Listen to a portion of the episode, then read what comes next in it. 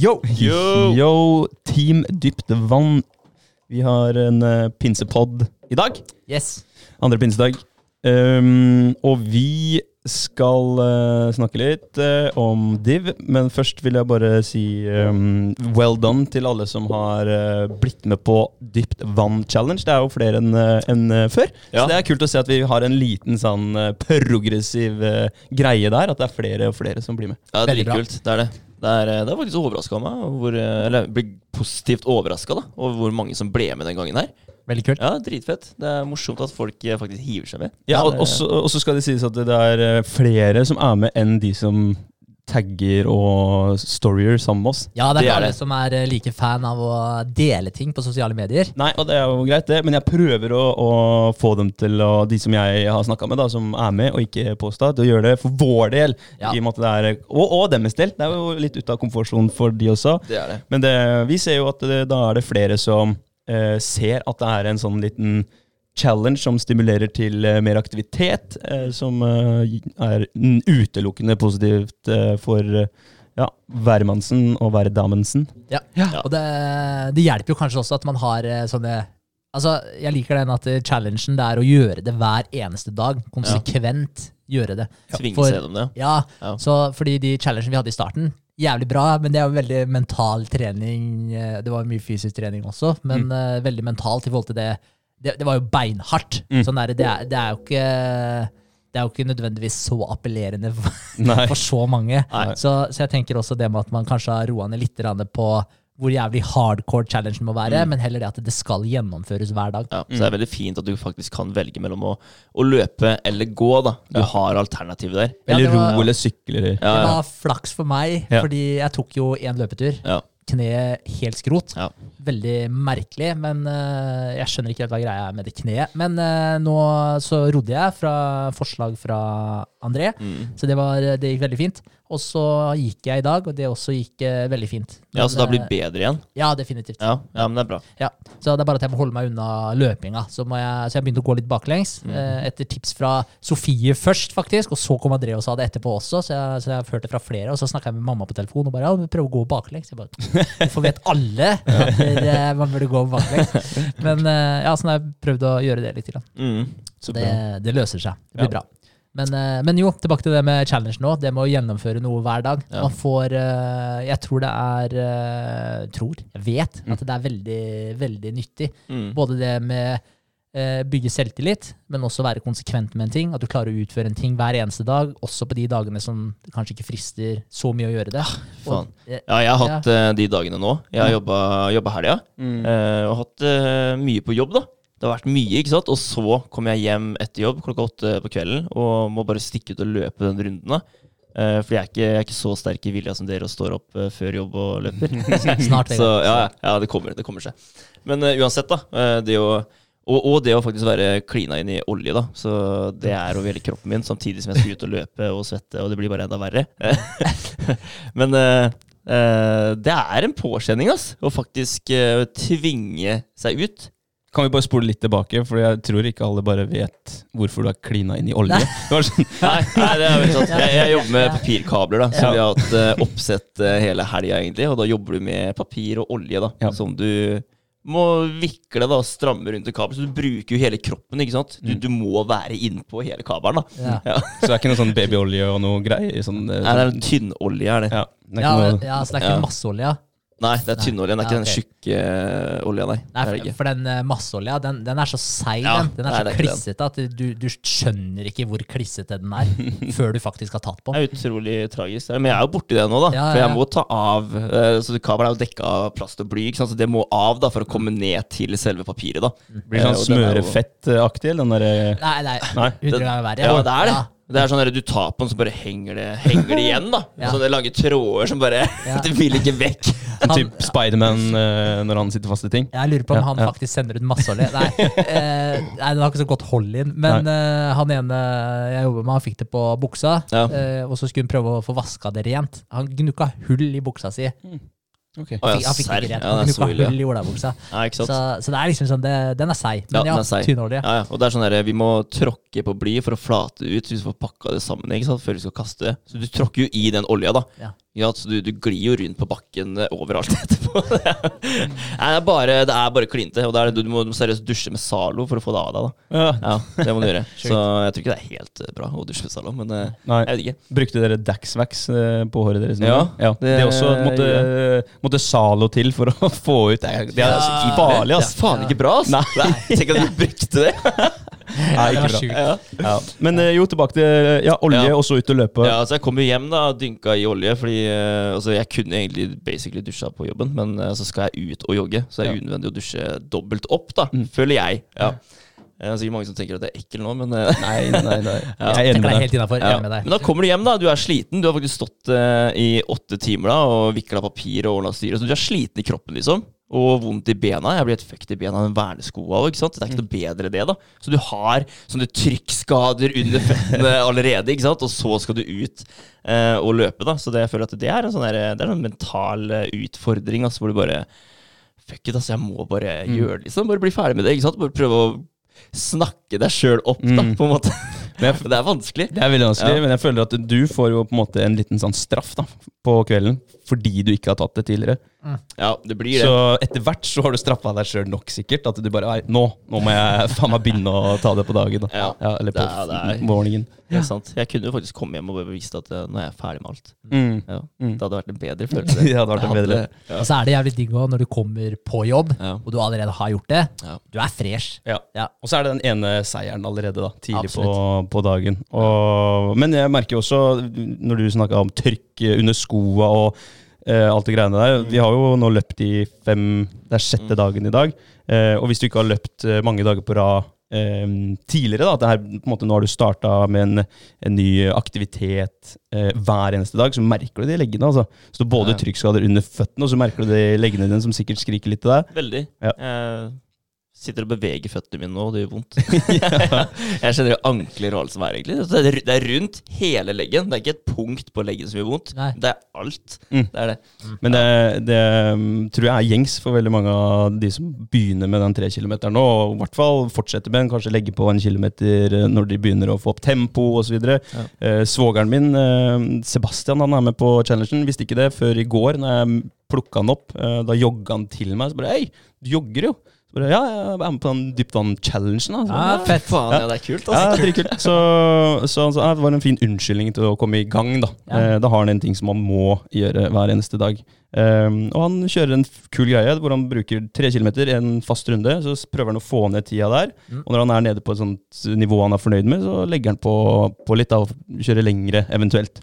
Så nei, det er kult å se at eh, flere, flere kjører på. Og søstera mi er med, går gjerne med vogn, da. eh, tre kilometer. Mm. Eh, løper kanskje etter hvert. Eh, så det, nei, det er kult. Ja, det er kult. Jeg har fått med kollegaen min, faktisk. eh, Robin Heggen. Han er med, men Hei, Robin. ikke, ikke helger. Men eh, hverdagen så er han Ja, med. Okay. ja, ja, men fuck it, det er, det er et eh, steg i riktig Ja, det er det. det, er det. det, er det. Men jeg synes det, var litt komisk at han ditcha helga. da. Det er kanskje da det er vanskeligst å gjennomføre. er- Da bør man stille opp. Men, uh, det, Robin, så det er bra, men, men ja, men helga, den, den er der, den. Ja, den er det. den er der. Men uh, uansett, da. Uh, bra jobba til dere som er med. Uh, jeg kan ta en liten recap av min lørdag, fordi jeg har vært med på noe som jeg ikke har vært med på Ja, før. Jeg har vært gjennom et uh, utdrikningslag for søskenbarnet mitt. Eh, det er mitt første utdrikningslag, faktisk. Og så kommer det et om bare tre uker igjen. Ja, det gjør Så det. det, det blir mye i, i juni. Ja. Så Det er spennende. gøy, da. Det er gøy. Ja, Det er gøy. Um, og da hadde vi en um, liten runde på paintballbanen i uh, Rakkestad, eller på vei til Rakkestad, Degernes-området. Mm. Eh, og der var det også litt sumobryting og, og litt sånt. Nå, jeg kan bare ta en liten tanke jeg gjorde meg under um, paintball. Fordi det er en aktivitet som jeg ikke gjør veldig ofte. Og det er helt sikkert ikke eh, Jeg er sikkert ikke, ikke den eneste. Jeg tror ikke det er så mange som gjør det veldig ofte. Med mindre du på en måte har kjøpt deg et gevær og er med på et lag. eller et eller annet sånt. Mm. Eh, og da kjente jeg, da, første gang jeg skulle ut uh, der, så vi hadde to lag. Uh, og der er en bane som er ganske kul, for det er uh, sånne oppblåsbare elementer da, som du kan gjemme deg bak. Og de har forskjellige navn, og, og du har på hver din side, og du har to lag som skal, skal defeate hverandre. Og, og de eh, Ja, det krever litt taktikk, kommunikasjon og litt sånn forskjellig. Uh, så første runde så gikk jeg ut der, ble skutt uh, ganske kjapt. Mm. Og så tenkte jeg fy fader, det her var jo ræva. Eh, jeg er jo egentlig i ganske god form eh, og føler at jeg har et greit fokus. eh, og har vært i førstegangstjenesten, ikke sant, skutt en del. Ja. Lært de grunnleggende tingene. Liksom. Ikke sant? Burde, burde kunne prestere på paintballbanen. Yes, burde hadde liksom forutsetningene for det. Mm. og så bare tenkte jeg med meg sjøl at ok, eh, nå var det her en sånn testrunde. Det er ikke rart at du presterer kanskje halvparten av det du kan, men jeg vet jeg kan bedre. Og så gikk jeg i en sånn liten killer mode. Bare faen, nå nå skal jeg vise først og fremst meg sjøl. Eh, og selvfølgelig de andre jævlene som var ute på banen der, da. Eh, og da når jeg gikk inn for det og bare fant fram litt eh, god gammeldags testosteron Ja, du fant eh, sånn Ramboen i deg. Ramboen, da. Altså tenkte jeg, ikke sant, Fysisk eh, har jeg det som skal til, så jeg bare løp som helvete og slida inn i elementene og bare opp og pam, pam, pam. Aisa laget. Aisa er jo å ta alle. Ja, Eh, for dere som ikke har spilt Counter-Strike før. Yes! du, hvis du har et lag på fem, så er det da alle fem nede. Da var det shoot to kill.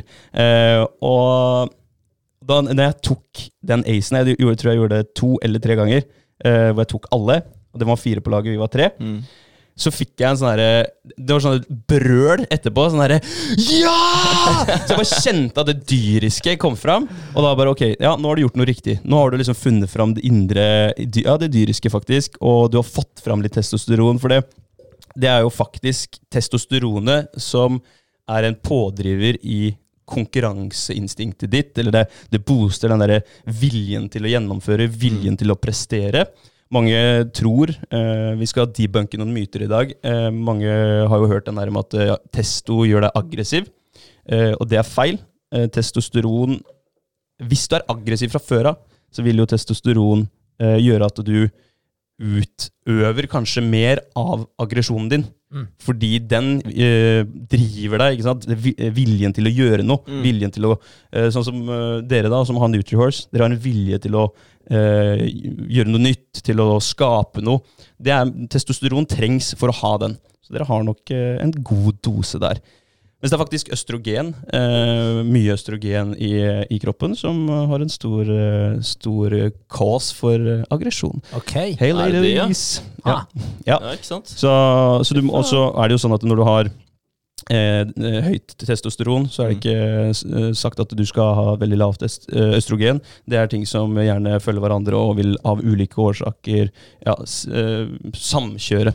Eh, så det var, det var egentlig litt kult å, å erfare det på banen der. Mm. At den at jeg, eh, kanskje jeg klarte å generere mer, eller i hvert fall eh, manifestere eh, testosteronen i meg. da At jeg klarte å få det frem. Tappa inn Tappa inn, ja. Ja. det lageret, liksom. Ja, fa klarte å ja, rett og slett tappe inn i det. Eh, så det var fett.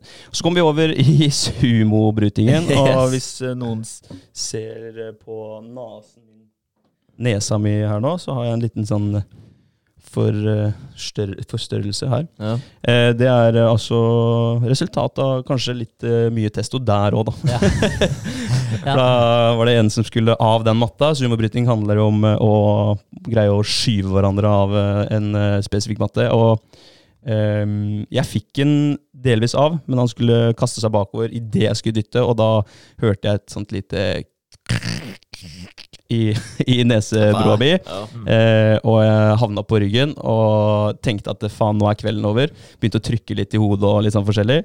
Men eh, ja, to, tre, fire øl senere så var det glemt. Ordna det seg. Det seg. Begynte du å blø neseblod, liksom? Eller? Jeg gjorde ikke det. Nei? Så det var egentlig litt rart. Og jeg er jo blå, så jeg har fått en blodutredelse under øya. da. Mm. Det har jeg fått ser ut som jeg har uh, mista søvn eh, en ukes tid. Ja. Ehm, ja. E egentlig så er det bare tull, ikke sant? Du har operert nesa. Jeg har, operert- jeg har tatt en neseoperasjon. Nei, men det kan hende det må til, faktisk. etter hvert. Men det ser ut da som du har fått deg en, eh, en knyttneve på nesa. Ja, det gjør det. Ja. Ja, ja. Bare se han Typisk, andre. som, ja, typisk som blå under øya. Begge øya. Det er sånn Ja. typisk, Da har du fått deg en slag midt på nesa. Ja. Ja. Det var bakhodet til eh, en svenske som, eh, som traff meg. Og, men det gikk heldigvis bra, da. Vi fikk Ja. fortsatt festen. Og the bride eh, to be, holdt jeg på å si, brudgommen to Ja. be, han eh, hadde en veldig fin, eh, fin dag. Ja, bra. Ja, det er bra. Så gøy. Så gøy. Det var, det var et vellykka utdrikningslag, da. Det, det var det Ja. absolutt. Og det var ikke så mye som skulle til heller. Det er kort vei til Degernes og kort vei tilbake, og så var det grilling og, og små spill etterpå. Så, Så hyggelig. så det, er, det er bra. Har dere spilt paintball uh, før? Ja. Eh, det er veldig lenge siden, det Mm. er det. Men uh, en kompis av meg hadde jo paintball uh, eh, Så han hadde jo et lager i Tisteren i Halden, eh, hvor de hadde paintball, eller drev paintball. Stemmer det? Ja. Spinneri? Ja, spinneri. ja. Ja. Det er mange år siden. Jeg var aldri der, jeg. Nei, men det var ganske kult uh, oppsett i oss. Mm. Det var det. Det var med sånne oppblåsbare elementer, da. Ja, kult. Ja. Så det, det er fett. Lagt ut sånn kunstgress og ordna styr av været, så det funka fett. Altså. Men det, det overlevde ikke så lenge. Det gjorde det ikke. Nei. Nei, så Jeg fikk vel vært der et par ganger. tror jeg. Mm. Mm. Ja, for det, det var det der òg. Kunstgress og oppblåsbare saker. Og de fulgte sånn europeisk standard for, for ah, det oppsettet her, da, sånn at eh, de kunne arrangere turneringer. Som hadde hatt flere hundre mennesker der på turneringer opp igjennom og, og sånt nå, og det, det var kult. Men mm. det, ja, det, jeg tror ikke det Du blir ikke rik av det, for det er sånn de elementene Det er jo en viss standard på de elementene. Og det forbundet i Europa, det, de som styrer der, de, det er jo litt sånn som Apple har kommet med en ny ladeløsning, så må folk kjøpe. Kjøpe den. Ja. Så her også altså, uh, får du en ny standard på disse oppblåsbare elementene, så er det 150 K ut da, for å fornye banen, liksom. Oh, å- ja. Så det, er, uh, det må være hardt når du er en liten, liten aktør i Rakstad Degernes. Ja. Ja. Så, men veldig bra, bra sted. Uh, hyggelige folk. Uh, trivdes godt, så jeg kan søke opp stedet og så legge ved en link til det stedet for de som lurer på hvor det er. ja, kult. Um, og etter å ha gjort det, det her, da, altså vært på fest, så var det jo en ny dag med løping. Det var jo litt hardt. Man har uh, hatt noen enheter innabords dagen Mm. før. Ja. Uh, og så var det jo å forberede dagens pod.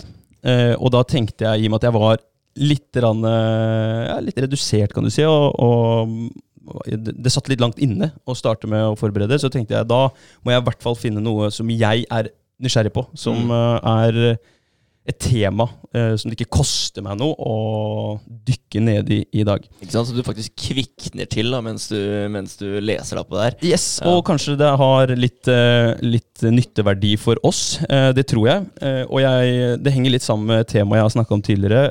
Vi har snakka mye om tidligere. Meditasjon. Det, det er noe i den gaten der med sinnstilstander og eh, nev altså nevrobiologi. Hvordan du skal eh, få til og så prøve å leke litt med den der plastiske hjernen vi har, da, som kan, eh, kan endres litt på. Mm. Så i dag skal jeg snakke litt om hypnose. Ja, det er fett. Hypnose er gøy. Hypnose. Det er interessant. Ja. Det er ganske interessant. Eh, og jeg har alltid tenkt liksom hypnose. Det er bullshit. Det er sånn på en scene hvor folk eh, har fått beskjed om at de skal gjøre sjuke ting, Mm. eh, og så blir man latterliggjort, og så er det underholdningsverdi. Uh, så jeg, jeg, det var egentlig litt derfor jeg hadde lyst til å snakke om det òg, fordi det er det jeg har tenkt. Og ja, ja, noen bruker de sånn behandlingsformer og sånt, og så er det sikkert bra. Men uh, det står øverst, uh, eller kommer fremst i, i pannebrasken min, det er tull og tøys på en scene. Ja, ja. jeg har alltid hatt lyst til å bli valgt, jeg. For å liksom bevise at det funker ikke på meg. Ja. ja. Så altså, han skal faen ikke klare å hypnotisere meg. Liksom. Men jeg, men jeg tror alle tenker litt sånn i forhold til hypnose. Så er det sånn, Jeg har alltid hatt sånn veldig ambivalent forhold til hypnose. Mm. Er det bullshit, eller er det ikke bullshit? Men jeg har landa på at det, jeg tenker at det ikke er bullshit, Ja. fordi psykologer og så bruker det som en behandlingsmetode for å tappe dypere inn i problematikken som folk eh, opplever. Mm. Og, da, og da får de jo dem til å slappe av på en helt annen måte, som går inn i en sånn litt sånn transelignende Det er jo ganske mange caser der ute som viser at det faktisk funker. er ikke? Mm. Jo da, så jeg, så jeg landa på at det er ikke bullshit, men det ser jo helt sjukt ut. Når du ser sånn som Darren Brown og så bare kommer bort til noen og så bare sånn Sov! Og så bare sover de. Liksom. Det er bare sånn, eh, ok. Så, så man blir jo litt sånn eh, Man begynner jo å lure. Ja, ja, man gjør det. Ja, man gjør det. Men uh, ok, spennende. Ja, det er spennende. Jeg har gått uh, i dybden på, på en av verdens Altså en av de som har størst uh, erfaring og kunnskap rundt hy, altså hyp, hypnose og hypnoterapi. Eh, familien hans har brukt det i, i mange, mange år. Faren hans brukte det Eller han ble kjent med det på 40-tallet. Eh, det var en vietnamesisk eh, refugee som, eh, som eh, ikke kunne krige lenger, og var, eh, han skulle hjelpe folk i fengsel med Han skulle, hva han skulle gjøre, det var en sånn etterforskning av et eller annet i fengselet. Så han, han satte seg ned med fanger. Også det han karen her hadde, han vietnameseren, han hadde et smallpox, det er sånn kopper, sånn kopperarr midt i panna. Mm. Og han så det at når han satt med disse fangene eh, og måte intervjua dem, så begynte de å bli litt sånn søvnig idet de så på det der eh, arret hans i panna. Så de, eh, Du så at øyelokka ble tunge, og at de nesten havna i en sånn form for transe. da. Mm. Så da begynte han med, med hypnose, han eh, vietnameseren. Og faren til han jeg snakker om, eh, lærte dette her av han. Eh, og han selv var da en eh, psykiater eh, som brukte ulike teknikker i sin behandling, men da adapterte eh, denne vietnameseren sin teori om at man kan eh, legge noen under en dypere form for hvile, men samtidig opprettholde et fokus. For det er det meditasjon egentlig eh, Nei, sorry, hypnose egentlig går ut på. Mm. En dyp hvile, men samtidig et høyt, massivt fokus eller konsentrasjon. Eh, så han jeg snakker om, det er Mr. David Spiegel, eller doktor David Spiegel, som har eh, kanskje mest kjennskap til hypnose av alle eh, profesjonelle doktorer. Sånn, eh, han har vel en eh, egen klinikk hvor han har behandla veldig mange forskjellige pasienter, samtidig som han jobber på Stanford University. Eh, og han, eh, han eh, sier at hypnose det er en tilstand med økt fokusert oppmerksomhet og konsentrasjon. Så du har den, eh, den, det fokuset som vi snakka om, men samtidig så er du under en viss form for hvile. Så det er to ting som egentlig eh, krasjer litt. Det er to konflikter.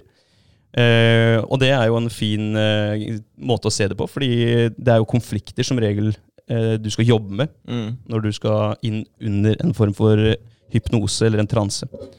En fin sammenligning da, eh, med en hypnose er jo hvis du, eh, Vegard eller Henrik, ser på en film eller leser en bok, og du kjenner at du, du blir ikke lenger en tilskuer av filmen. Du er, du er en del av filmen. Tida går vanvittig fort, og du, du føles som du lever deg ordentlig inn i, i filmen eller boka. Mm. Da er du eh, Det er på en måte en hypnotisk tilstand. Hvor du ikke er bevisst over det som eh, skjer rundt deg, men du er inni en eh, litt annen eh, kan du si, verden. da. Ja.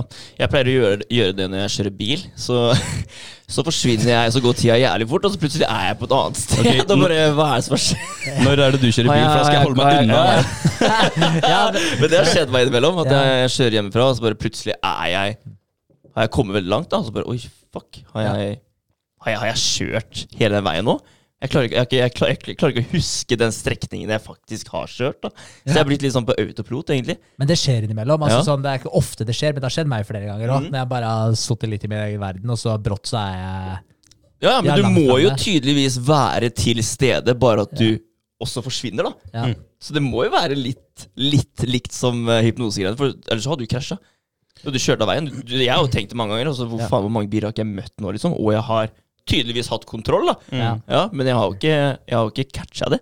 Jeg, tror- jeg tror det er nærmere, nærmere um, ikke hypnose, men nærmere det som uh, Berge sier, at det er på autopilot. At det er bare ting i hjernen din som går av seg sjøl. Ja. Disse nevrale nettverka har en sånn, en sånn bane som du har fyrt så mange ganger. Så du kommer bare til å ja, la det gå av seg sjøl. Ja. For hvis det hadde skjedd en ting, altså hvis det hadde brått kommet en unge og hoppa ut i veien, eller sånn Ikke, ikke faen om du hadde meia ned den ungen. Det, det tror jeg ikke i det hele tatt. Da Nei, jeg tror jeg, jeg tror den hadde knocka deg ut av den uh, autopilot-tilværelsen Ja. tilværelsen som du er i. Ja, Sikkert fordi det sitter såpass i motorikken din. da Mm. ja. Ja, du, du kan det å kjøre bil, liksom. Kroppen din kan det. Og da trenger du kanskje ikke å tenke så veldig mye på det. Nei, også akkurat den strekka, for det skjer jo Ja. sikkert. Jeg, jeg tror jo de gangene som det har skjedd med meg, så har jeg kjørt på en veldig kjent vei. Mm. Det er jo typisk eh, til og fra gården Ja, ja. hjemme, liksom, som, som de tinga der skjer. Det, det er ikke hvis jeg er på et nytt sted, for da er du mer eh, alert. Mm. Så, så det tror jeg. Og så hvis du plutselig skal eh, Du skal et sted, men så kjører du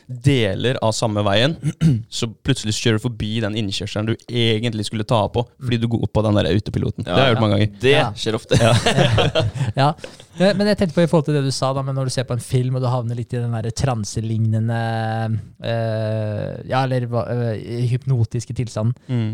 For da er du jo Er du da veldig til stede i det som skjer der, men du er veldig lite til stede i I rommet rundt I rommet rundt, ja. yes. Ja. Så du har, du har den den, oppmerksomheten, eller det fokuset, det økte fokuset og konsentrasjonen eh, i akkurat den aktiviteten. Mm. Og det er jo det eh, en hypnose handler eh, litt om. At du, eh, du ligger der, og så blir du eh, du, de sørger for at du En hypnotisør da, sørger for at du eh, føler deg veldig komfortabel. At du ikke eh, skal legge merke til din egen kropp. Du får gjerne et par cues om, eh, eller suggesjoner da, om at du skal gjøre én spesifikk ting med en kroppsdel. fordi at du, da har du én ting å forholde deg til, og så skal største delen av oppmerksomheten være innover. ikke sant? Mm. Eh, så det er, det er flere faktorer eh, og flere elementer som er eh, viktige i en hypnose, som vi kommer litt eh, tilbake til. Eh, men du har, du har jo flere eh, former. da, Vi snakka litt om den bullshit-hypnotisøren, som jeg eh, på en måte har forbundet hypnose med. Som er én variant. Eh, du har scenehypnose. Det er jo en sånn som vi snakker om, hvor du ja, Som de som driver med det her klinisk, da, eller i behandling, de er Mm. ikke så veldig glad, av, eh, glad i de. fordi at de vil jo bruke det her som entertainment istedenfor å hjelpe mennesker. Eh, så det er jo en eh, en eh, ja, pengedrivende da, eh, motivasjon istedenfor en helsemessig motivasjon. Mm. Eh, og scenehypnose, det, det er ekte, det. Men eh, ikke alle. Altså dem som tror de er kaniner og hopper rundt uh, i gatene og sånt. Og det, det er ikke sikkert det er helt ekte. Det kan være noen kus der. Mm. eh, eller noen instrukser eh, på forhånd. Eh, men dem jeg har lyst til å snakke mest om i dag, det er de to andre. Det er selvhypnose. eh, som jeg, du og Henrik kan gjøre helt alene. Ja, Vi kan, kan bedrive hypnose på oss sjøl i hverdagen. Trene på det. Yes. Eh, og så har du klinisk eller, eller uh, hypnoterapi, da. Mm. Klinisk hypnose eller hypnoterapi. Uh, og da lærer man pasienten å bruke tilstander, sånn økte, dype konsentrasjonstilstander for å adressere problemer som f.eks. vektnedgang, røyking har vi sikkert hørt om, at folk har bestilt seg en hypnotime for å bli, slutte å røyke. Eller selvforbedring, da.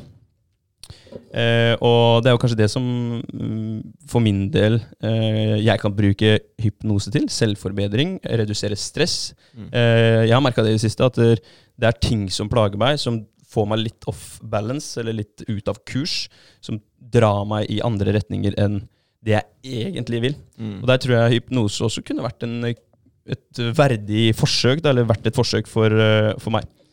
Eh, og det handler jo om at der, når du driver med selvhypnose eller en hypnoterapi, så øker du jo den eh, kognitive, kognitive fleksibiliteten. Det vil si at du, du blir flinkere til å bruke de forskjellige hjernedelene, egentlig. Okay. Så det er en, en eh, litt eh, spennende reise her, fordi vi, nå, nå er ikke jeg noe nevrobiolog, men jeg, jeg skal ta en liten, eh, en liten oppsummering av hva som faktisk skjer i hjernen, for det er målt under hypnose. Ja. Hva, hva som faktisk skjer, hvilke sentre og sånt noe som, som jobber og ikke jobber. Eh, så i en hypnose så er det tre ting eh, som de har eh, under forskning oppdaga at skjer. Aktiviteten i det som heter eh, dorsal anterior singulat cortex, som er egentlig bare en, en del av den fremre eh, fremre hjernebarken. Cortex betyr jo hjernebark. Mm. Eh, aktiviteten i den her da, eh, skrus ned, som er en eh, region som styrer eller påvirker, støtter kognisjon og motorkontroll. Så både tanker, følelser og hvordan, du, hvordan de tankene og følelsene påvirker dine handlinger, det skjer i den hjernen her. Så du skrur det her ned. Er, er det liksom en del av frontallappen? Yes. Ja. Eh, det er det da. Det er litt i bakkant av frontallappen. Mm. Eh, regionen er et høydepunktnettverk, eller en konfliktdetektor. Så det vil si at der, eh, den overvåker situasjonen du er i. Så hvis, eh, vi, er, eh, hvis vi sier at det plutselig kommer et skudd på Fiskeklevveien her nå, eller Mm. utafor, på Braskot, pang, sier det da. Så sitter vi midt i en podkast. Eh, da må hjernen prøve å separere disse to eh, aktivitetene. Og prioritere hva som er viktig og ikke viktig. Ja, hvordan du skal reagere på ting. Yes. Ja. Podkast, vel? Podcast. Null stress. Eh, så den forteller deg om potensielle farer som du må fokusere på. Og den hjelper deg å bestemme eh, hvordan du skal håndtere. Ja. Eh, når aktiviteten her skrus ned, er det mindre sannsynlighet for at vi blir distrahert. Og det sier seg sjøl at da vil du ha en bedre eh, forståelse over ditt eget indre hvis du har en større på en måte fraskrivelse fra alt som kan forstyrre deg. Mm. Forstyrre deg da. Så det er det første som skjer i, eh, i en hypnose, eller det ene som skjer i en hypnose. Det andre det er en eh, høyere kobling mellom eh, Og det her gidder jeg ikke å, å forklare for dere. DLPFC. Det er eh, left Jo, jeg gidder. Left dorsal lateral frontal cortex. Eh, og det, her er en, det er en høyere kobling mellom den her og insula, som også er en del av eh, hjernebarken. Den ligger litt lengre inn og lengre bak enn det eh, dorsal anterior singlet cortex eh, ligger. Her er det denne koblingen her da, mellom disse to. Det er en kroppssammenkobling. Det er følelser, oppmerksomhet, beslutningstakning. Så er det også med på valget våre igjen. Så det er en høyere kobling her, som gjør at der, eh, vi får både bort distraksjonene, Mm. og vi får en økt oppmerksomhet over våre egne følelser, og eh, en oppmerksomhet på våre egne følelser. Helt til slutt, eh, nevrobiologisk så skjer det en omvendt funksjonell kobling mellom denne DLPFC og eh, posterior singlet cortex, som er en del av den samme hjernebarken som vi snakka om i stad, eh, men litt på en annen side. Altså Posterior betyr jo at du har eh, på framsiden av noe, mens eh, dorsal er på baksiden. Anterior er på baksiden, og så har du lateral på siden. Så det er bare forklaringer på hvor i hjernen de, disse ligger. Eh, og det her Denne omvendt funksjonelle koblingen den gjør, eh, gjør ting utenfor eh, Gjør at du blir mer bevisst på, mindre bevisst på det som skjer utenfor. Eh, og du gjør Det, det her er det som uh, styrer at du eh, gjør noe uten å tenke, tenke deg om. Mm. Eh, og dette er en dissosiasjon som skjer ved hypnose. At du fjerner en grunn til å gjøre noe. Du disassosierer grunnen og følelsen. Fordeler da med det her, det er at du da skrur ned oppmerksomheten på ting som skjer rundt, og du skrur opp oppmerksomheten på ting som skjer inni deg. Mm. Så bevissthet, følelser, fokus Det er innover og ikke utover. Um, disse eh, Altså disse biologiske effektene uh, gir da også en mulighet til å kanskje kunne få redusert stress. Uh, vi kan få et høyere oppmerksomhetsnivå, altså attention span. Vi har et problem i hverdagen hvor det er altfor lite. At vi alltid må flykte fra den ene til den andre tingen. Vi klarer ikke å holde oss uh, i uh, nuet eller på én ting over lengre tid. Mm. Vi blir lært opp til å scrolle på telefonen. Uh, den kan også hjelpe deg da å få bedre søvn, som også er en, en på en major eh, kvalitetsendring i hverdagen din. Hvis du kan bruke hypnose til å forbedre både søvnkvaliteten din og indusere søvnen fortere. At du, blir, du faller i en dyp søvn mye Mm. fortere. Mm. det trenger jeg innimellom. Ja, Det, og, ja. og da, ja, ja, men det, da har du jo noen teknikker, eh, sånn hypnotiske te teknikker, som vi kan, eh, kan kom, komme litt tilbake til. Han eh, karen som jeg har snakka om, han eh, Spiegel, har en app som heter eh, Reveri. Ja. Der får du hjelp til å, til å eller kjøre, kjøre en sånn selvhypnotisering. Da. Ja, ikke sant? Men altså, det, det, med å eh, bli forberedt på situasjoner, da. Mm. Altså sånn eh, si, du, si du sitter sånn, når, bare, når du nevnte det der skudd i stad, så tenkte jeg at der, ja, men det må være en fin, det må fint å kunne være forberedt på sånne ting. da om Mm. du sitter et eller annet sted da, på en restaurant med dama, eksempel, og så sitter duden ved siden av og blir skjøt i huet, liksom. Det er sånn, hvis du aldri har sett noe sånt før, da, så freaker du helt ut, ikke sant? Mm. Og du tenker sikkert ikke på å redde dama di, fordi du får helt panikk sjøl. Men hvis du har sett mye av det greiene før, da kanskje du har vært i mange grove sider og sett mye sånn dritt før, og du, da klarer du liksom å skape et lite bilde. da, ok, Hvordan skal jeg reagere hvis, hvis det her skjer? da? Og hvis det skjer ved siden av deg, da, så er du mye mer forberedt på det. da. Mm. Og da tenker, da tar du Jeg tror ikke du får en sånn stressa situasjon, da, for du blir sånn Ok, men det her er faktisk sett.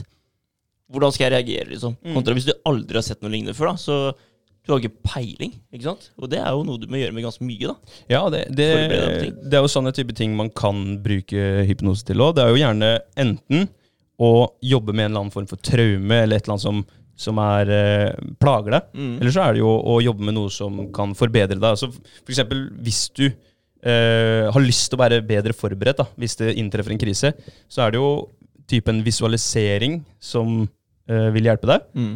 Uh, at du ser for deg akkurat hvordan uh, et skudd ville påvirka deg. Kjent at pulsen øka, at du ble kaldere kanskje ute i fingrene. Ok, Da vet jeg at det kommer til å skje, da er jeg klar over det.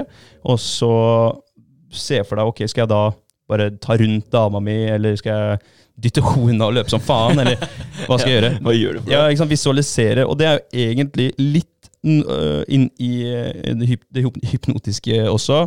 For en klinisk øh, sånn øh, variant. Da skal du Først så skal du jo induseres. Det vil si at du skal øh, inn i denne dype hvilen, men samtidig fokusert øh, bevissthet. Mm. Så du er i en sånn grenseland mellom bevissthet og ubevissthet. Eh, og her skal du få noen verktøy da, å jobbe med. Så hvis du da eksempel hadde sagt til han som skal hypnotisere deg, at jeg vil, jeg vil bli bedre forberedt, jeg er på en, eh, en eh, cowboy liksom, som Mm. kommer og skyter flere skudd inn i en eh, restaurant. Så ok, men da ser vi på Når du ligger da i denne hypnotiske tilstanden, da skal du se for deg eh, denne situasjonen på eh, på en TV-skjerm. Så deler du TV-skjermen i to. På venstre side så ser du cowboyen komme inn og skyter. På høyre side av TV-skjermen så skal du se deg sjøl, hvordan du bør reagere. Mm. Og da er det jo i en sånn uh, setting at du, du er mellom bevissthet og ubevissthet. Uh, du har mer kontroll på fyringene dine fordi du har kobla bort alt som kan distrahere deg. Så det, det vil si da at du øver på en ting gjentatte ganger oppi hjernen din, og vil automatisk bli mer forberedt på det du, det du skal gjøre. Og sånn er det med stress også. at du, Hvis du fjerner den der cowboyen, og så tar du eksempel hvis du er stressa over at du ikke tjener eh, Eller at du bruker for mye penger og du bruker mer enn du har. Det er jo ofte en stressfaktor for veldig mange. Mm.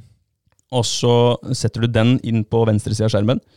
Og så setter du din, eh, ditt forslag da, til løsning på høyre side av skjermen.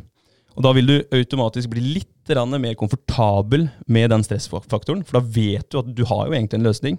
Så du vil roe ned pulsen, bli litt mindre stressa over situasjonen, og kanskje foreta noen mer rasjonelle handlinger når du er ute av transen igjen. da. Så Det er, det er eh, en litt beskrivende over hvordan en hypnose vil foregå.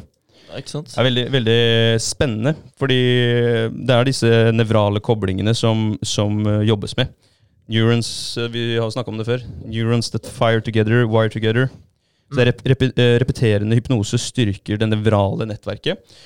Det nevrale nettverket, Du har jo snakka litt om det, som disse eh, nodene som snakker sammen. Og, og det er jo akkurat Ja, du Henrik. Nå sa jeg bare du. Det er ikke så lett å vite hvem jeg peker på da. Eh, altså du, hvis du gjør én bestemt ting, da, løfte på glasset med vann, det har du gjort uh, tusenvis av ganger. Så den, det, den passasjen i nettverket, den er eh, godt opparbeida. Mm. Eh, hvis du ser for deg en eh, sti, så er det en, eller dyretråkk, så er det tråkka masse dyr akkurat i den banen. Eh, så er det lett å følge den ruta en gang til. Eh, og det er jo samme i en hypnose. Da vil Mm. du fyre en bestemt bane. Kobla mot noe du har lyst til å koble på, uten andre forstyrrelser. Ehm, det blir litt sånn som eksponeringsterapi, hvis dere har Mhm. hørt om det. Mm. Uh, at du uh, Vi kan ta eksempelet da med Du faller av hesten, uh, og så blir du redd for å ri. Man har jo det gjort ordtaket 'get back up on the horse', kom deg opp av hesten igjen. Og det er jo en eksponering. Da går du tilbake til det som skremmer deg, og uh, dealer det mm, altså med head on. da. Dealer med, dealer med problemet med en eneste gang, istedenfor å gå i gjentatte ganger og unngå eh, det som faktisk eh, plager deg, eller er, du er redd for. Det som skjer da, er at når du kun gjemmer deg, det er jo at du, hver gang du tenker på hest, så fyrer du en negativ eh, assosiasjon. Og det er jo den disassosiasjonen vi har lyst til å oppnå. At Mm. du kobler den negative bort, og heller prøver å bygge opp det positive igjen. Mm. Så sakte, men sikkert eh, opp og tilbake, eller ikke sakte, men sikkert heller, det kan gå ganske fort. det. Opp Ja. og tilbake, og få en positiv opplevelse av det som faktisk skremte deg. da. Ja. ja, det bør gå ganske fort, ellers så er det vanskeligere. Ja. Det er det. Men det, det er jo kanskje litt sånn som eh, når du eh, spilte paintball nå, da. Og du bare hev deg ut, eh, ut i det for første gang, og det gikk dårlig, ikke sant? Fordi du har ikke skapt en liten eh, vei i hodet ditt eh, ennå, da. Helt riktig. Ja, og så trekker du deg tilbake, og kanskje du visualiserer det her litt, og bygger opp en eh, litt sterkere vei, og så går du ut, og det gjorde det jævlig bra, da. Ja. Etterpå. Det tror jeg er ganske viktig, og riktig tankegang, faktisk. Veldig, veldig kult. Um, dere, du, Vegard, Mm. spurte, eller sa i stad at du, var, du hadde lyst til å bli tatt opp til en sånn hypnose. Ja. Uh, og så er det sånn at dere, jeg skal hypno... Nei, jeg skal ikke hypnotisere deg nå, men uh, Det var jævlig kult, faktisk. Ja. Ja, det det. Sikkert aldri komme ut av det igjen. Nei. Uh, jeg skal gi dere en mulighet til å se om dere er hypnotiserbare. Mm. Det er okay. noe som heter han, uh, Faren til dr. David Spiegel, eller Spiegel, eh, han uh, utarbeida, eller kom fram til en test som er ganske eh, sikker, bulletproof, på å finne ut om du er eh, hypnotiserbar. Så hvis du setter på kamera i midten igjen der, for da kan eh, vi se, se på alle sammen. Eh, det jeg vil at dere skal gjøre nå, begge to, bare sitt med hodene rett fram. Og så vil jeg at dere skal ehm, titte opp i taket uten å bevege hodet oppover. Så opp gjennom øyenbryna deres. Og mens dere titter oppover, så skal dere lukke øya sakte. Det var sjukt vanskelig. Yes. Og dere er sjukt uh, hypnotizables. Ok. Ja, ja. Dere er hy- hypnotizable. Ja. Ja, fordi Ja. vi klarer å lokke Jeg ser på Vegard nå, du har Ja. mye av den skleraen, det, det hvite i øya. Ja. Ikke irisen, som er det farga. ja. På veien ned nå, se på Henrik. Du ser eh, Han klarer det, og du ser mye av det hvite i øya når han Ja. lukker igjen øya. Det betyr at man har eh, hvis, du, hvis du tenker over det du egentlig ber kroppen om å gjøre, da, å lukke øya, det er jo noe vi skal gjøre når vi skal slappe av, når vi skal eh, hvile, så- sove. Hva som helst, egentlig, som ikke innebærer aktivitet og oppmerksomhet og alertness. Eh, mens når du titter opp, så er det en form for fokus. Du ber kroppen om å, å få oppmerksomhet rettet et eller annet sted. Mm. Der kommer den der eh, disassosiasjonen og den eh, konflikten. Så allerede der skaper du en konflikt. Så det er også en del av hypnosen. Det er mange som har den som en eh, induksjon, altså for å komme inn i en hypnose, Ja. at du skal gjøre det her. Fordi det åpner denne portalen til eh, det hypnoterapeutiske. Ok, Så hvis jeg hadde lukka øya nå, og eh, jeg hadde ikke klart å holde uh, pupillene mine oppe, da Yes, Hvis bare øya hadde falt ned med en gang, ja. da hadde du ikke vært så veldig hypnotizable. ja, men det er fett, for hvis jeg, hvis jeg blir tatt opp på en scene noen gang da, og han gjør det her på meg, Ja. han ber meg om å titte opp, lukke øya, så skal jeg faen meg Bare, Ja, skal jeg bare dette det med en gang. da blir du kasta av scenen. Han bare ah, fuck. Ja. Da tjener ikke han penga sine. Men, eh, så det er egentlig litt eh, kult, fordi da har du eh, Øyet er jo en del av, eh, en del av hjernen, Ja. vi snakka om før. Det er en direkte utstikker av hjernen. Så, så du får ganske mye informasjon av, av øya til folk. Kult. Eh, og man ser også på, i øye, eller på pupillen, eh, hvis den er veldig eh, Hva heter det når noe beveger seg lett? Den er veldig ja, eh, adaptiv. Ja, Ja, fleksibel, fleksibel. eller adaptiv, kanskje er Ja. bedre ord. Ja. At den går opp og ned eh, kjapt i, når du introduserer lys, Dynamisk, ja. kanskje. ja. Hvis du oh, ja, sånn, peker ja. et Ja, lys på øya. Ja, ok, ja. Sånn som uh, når du går ut av et mørkt rom, så Blir de smale. blir de dritsmale for Ja. å beskytte, beskytte deg, og så blir de store når du er i et eh, mørkt rom for å ta inn mest mulig av lyset. da. Mm. Um, og det også har en liten indikasjon på om du er hypnotizable eller ikke. Mm. Så det er litt eh, kult, for da er dere hypnotizable. Da kan vi teste det etterpå. At eh, vi kjører en sånn selvhypnose. Og se om vi, Ja, vi får det. til det. fett. Spennende. Går det an å leie en sånn eh, hypnotisør, eller? Vær så Vi gjør det, eller? Så, så, så der, eh, I stedet for en klovn, liksom, så kunne du ha leid en eh, Det var ikke meningen å sammenligne med en hypnotisør med klovn, men poenget mitt var bare sånn at du kan leie en til en sånn der eh, type ja, Ja. gathering. Ja, Helt sikkert. Så leier du en hypnotisør. det burde vi helt klart gjøre. Altså. Ja. Helt sikkert. kunne sammenligne med strippere òg, liksom. Altså, du skjønner jeg mener. Leie en sånn uh, Entertainer. entertainer, ja. Men, uh, men uh, bare for å ha sagt det, da. Hypnose og Hvis jeg skal anbefale noe, og det her kommer vel fra de jeg har lest om nå, da, de, de som kan det her. Mm. Hvis du skal oppsøke noen og bli introdusert for det her, eller få en eller annen behandling, så bør det være Han bør, eller hun bør, ha en bakgrunn innenfor en eller annen helsegren. Ja. Så om du er tannlege, har studert medisin, psykologi, eh, et eller annet, er du lege. Eh, fordi jeg kan komme til eh, en psykolog som driver med hypnose, Mm. og så kan jeg si ah, jeg har så mye brystsmerter. Og så kan jeg komme til en, en eh, hypnotisør da, som gjør det for mm, bare penger og entertainment. eh, Og si at jeg har brystsmerter, og så kjører han på, hypnotiserer meg, så kan det hende at det brystsmertene er eh, hjerteinfarkt på trappene, på en måte. Mm. Så at man, man har litt forståelse for menneskekroppen, og at man kan eh, avverge sånne type ting. Da. For da er, når du er på vei til å ha et hjerteinfarkt, så har du vondt i brystet, da er ikke kanskje hypnosen som er det første du skal gjøre. Det er ikke Gjøre. go to-løsning. Nei, det er nok ikke det. Du kan hende at Ja. han hadde fiksa det. fiksa det. Ja. Men, eh, nei, men det, er, det er jo et poeng, da. Og så tenker jeg også, hvis du først skal For jeg ser for meg, når du, når du lider en type hypnose, så blir du jo sikkert ekstremt formbar i forhold til eh, ja, påvirkningene, disse Mm. nettverka som du bygger. Og jeg tenker det er kanskje veldig dumt Altså, jeg vil ikke bare slippe inn hvem som helst i huet mitt og la dem eh, få egentlig herje litt der inne. Nei. Det er egentlig uaktuelt. Nei, jeg jeg, søkte opp en um, uh, sånn self, eller sånn uh, hypnose YouTube-video, da, hvor det var en kar som skrev Han hadde over 500 000 følgere på, på YouTube. Og skrev at han kunne hypnotisere deg gjennom skjermen. da. Og jeg, og jeg, jeg turte ikke, Fordi jeg, jeg vil ikke slippe inn hvem som helst. ikke sant? Så den stoppa jeg på. Da Ja. leste jeg heller andre sine historier. Og det er mange, mange kule historier på, på det å bli hypnotisert.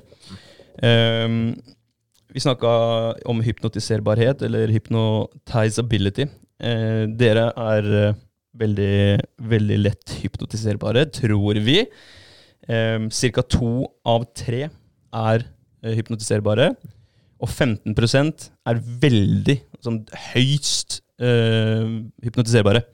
Og da er det, da er det snakk om sånn at du, du kan eh, utføre kirurgi på dem, så de kan ligge i en hypnose istedenfor narkose. da. Oh, shit. Oi. Så 15 Ja, det er vilt. eh, det er ganske sprøtt. Det er sjukt. Har de gjort det her, eller? Det har blitt gjort Ja. under forskjellige operasjoner. Å, fy faen. Da skal du være ganske trygg på, på hypnotisøren. Altså. ja.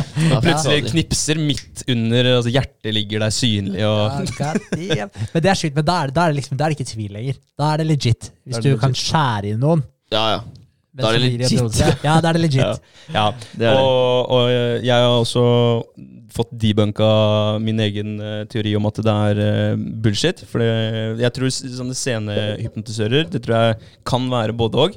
Men eh, mange av de åpenbart kan. Så du ser på Darren Brown, han, han bruker jo det her til å egentlig forske litt, han også. Ja, ja, Eh, for han er liksom midt imellom egentlig sånn type helse og Entertainment. entertainment. For han, han prøver jo å finne litt grensene våre, fjerne sperrer til folk. Han, han prøver jo å bruke det egentlig til å enten hjelpe folk, eller bevise at noe som har skjedd tidligere, faktisk går an å, å gjøre. Mm. Så, så han bruker det egentlig han er, han er egentlig litt midt imellom, kanskje. Ja, Litt sånn preventiv eh, variant på han også. At det her må vi være kanskje litt obs på. At eh, vi ikke skal høre på alt alle sier, eller Ja, han har en Ja, ja. eh, fin greie der. Han er en farlig mann. Han er en farlig mann. Ja. Det er. Men åssen er det med altså, hypnose og det å faktisk eh, tappe inn i traumer til folk, da? For jeg bare husker eh, når vi snakka om psykadelika, da, så brukte de jo psykadelika for å komme inn eh, på temaet traumer, liksom. At de faktisk skulle tørre å embrace det, da. Mm. Men blir det annerledes med eh, hypnose? Det, det er akkurat det samme. Det Mm. er eh, Essensen av en traume det er, en, det er ikke at man er sint eller redd eller eh, lei seg. En traume er at man er hjelpeløs etter at noe har skjedd. Så du klarer ikke å håndtere det. Og Det er akkurat det du snakker om, at du må finne en måte å faktisk bare få, få bukt med det. da, For, Ja. finne ut av hva du skal gjøre med det problemet. Så du blir et eh, objekt eh, istedenfor et menneske. Du, du har ikke kontroll. Eh, du er helt hjelp hjelpeløs. Ja, ikke sant? Eh, og hypnosen da, eller psykadelika eller en eller annen form for, eh, for behandling skal jo hjelpe deg å få kontroll over både kropp og, og sinn. Mm.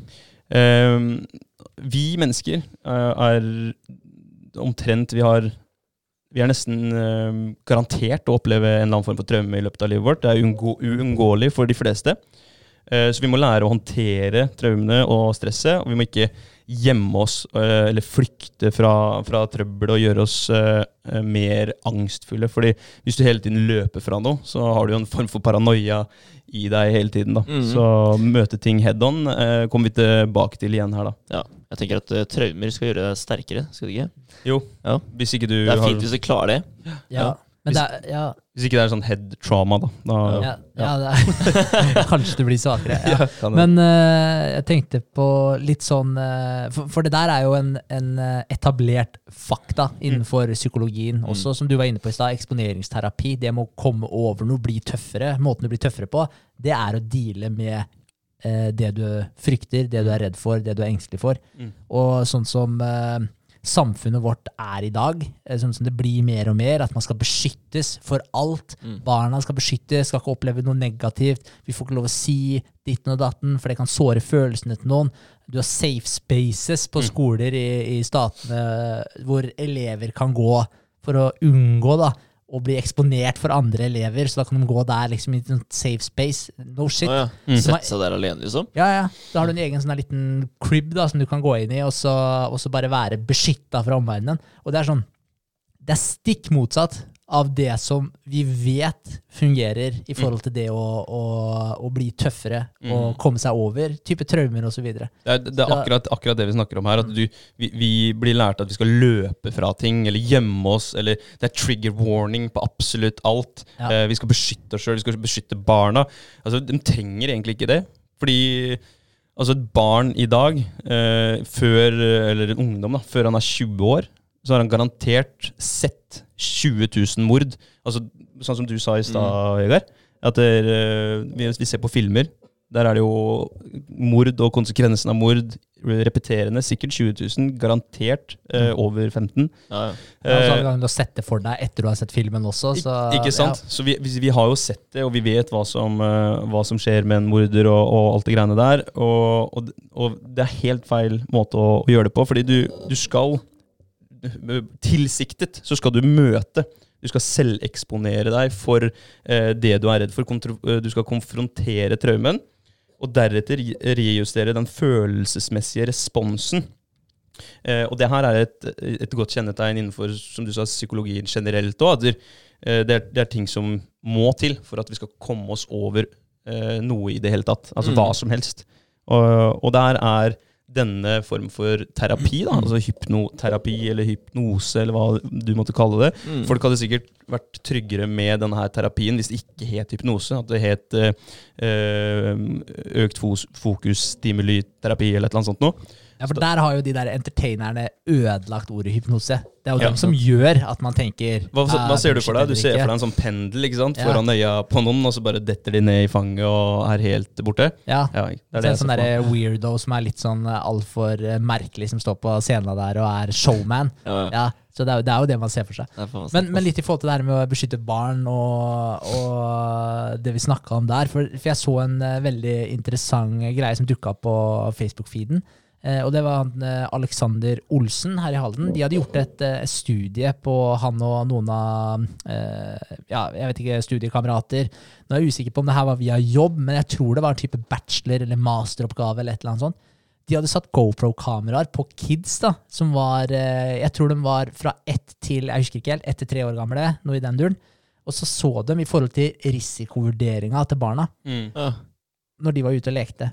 Så det de gjorde, var at de da foreldre de distanserte seg litt fra ungene. Lot dem eh, få litt mer friere tøyler enn det de kanskje hadde fått eh, i utgangspunktet. Og det de så, var at barna konsekvent overveide risikoene. Når de var så små at du trodde ikke det var snakk om engang at de eh, kunne da eh, ta disse risikovurderingene. Men hele tiden så, så du at de kunne se på en liten høyde eller et eller annet. Så nei, vi går dit i stedet. Altså Hele tiden da, så drev de og tok avgjørelser basert på risiko. Ja. Så, så konklusjonen der var kanskje la kidsa være litt mer for seg sjøl. Ja, ikke? Ik ikke gå der og, og passe på dem hele tiden og, og hva skal jeg si, sy puter under armene deres. Ta en sånn derre glassbolle rundt dem og beskytte dem fra, fra verden hele tiden. Mm. For det er mye bedre for dem å faktisk utvikle seg på den måten. Og vi har den innebygd, den risikovurderinga. Mm. Det var kult. Det er veldig, veldig spennende. Ja. Og vi merker jo det sjøl òg, at hver gang du gjør eh, Du går på trynet, så lærer du deg jo noe om enten deg sjøl eller akkurat den aktiviteten du bedrev. At oi, sånn skal jeg jo ikke gjøre. Mm. Jeg må rette opp i det for å kunne få til akkurat det her. Mm. Og det gjør jo barn ikke sant, gang på gang på gang. på gang. Og det også, da. Barn har jo en eh, større grad av hypnotiserbarhet. Eh, litt pga. hjernemassen. Der er det, den er mer pliable når du er eh, ung. Eh, og mellom 6 og 11 så er vel omtrent alle barn eh, i stor grad hypnotiserbare.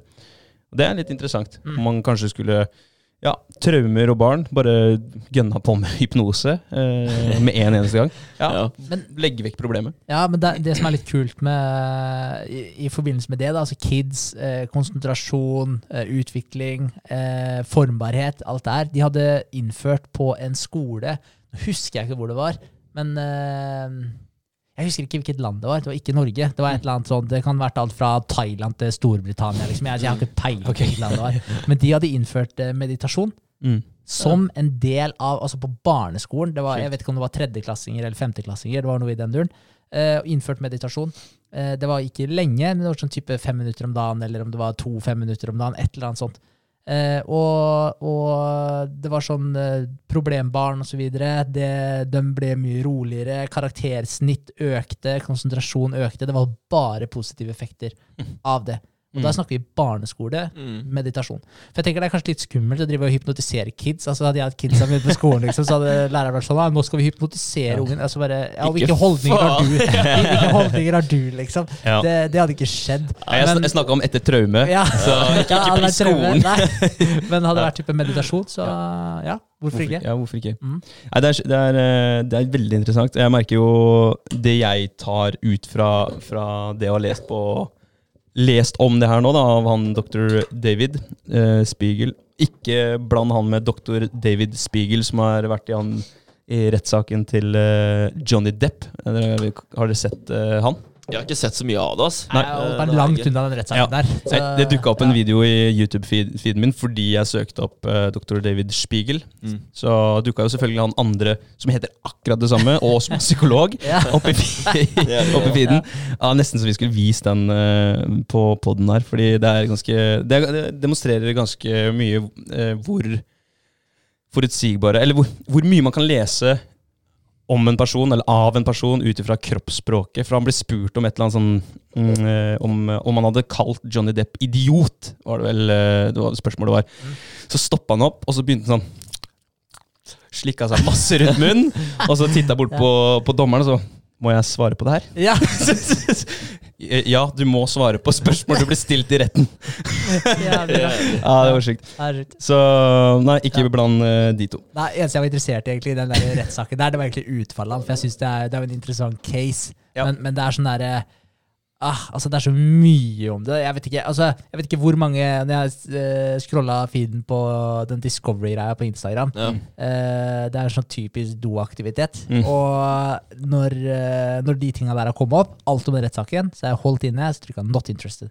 Ja. Not interested, Bare for å luke Få ut av vekk, ja. feeden min. ja var Men, men Nei, nei, men det hjalp jo ingenting. Det kom jo opp hele tida. Ja? Så det er jo liksom eh, Det er jo helt sykt i en rettssak. Men jeg tenker utfallet her det er veldig interessant, for det har jo veldig mye med den type metoo-greia. Ofrene skal alltid bli trodd og, og alt det her. da også, Og det, det er faktisk en bakside av den mynten her òg, og det er alle liva som har blitt ødelagt av falske anklagelser. Mm. For det er jo den her type hvis du for eh, Hvis du anmelder naboen din for pedofili, liksom. Mm. Ja, ja, det kan være en helt tom eh, beskyldning.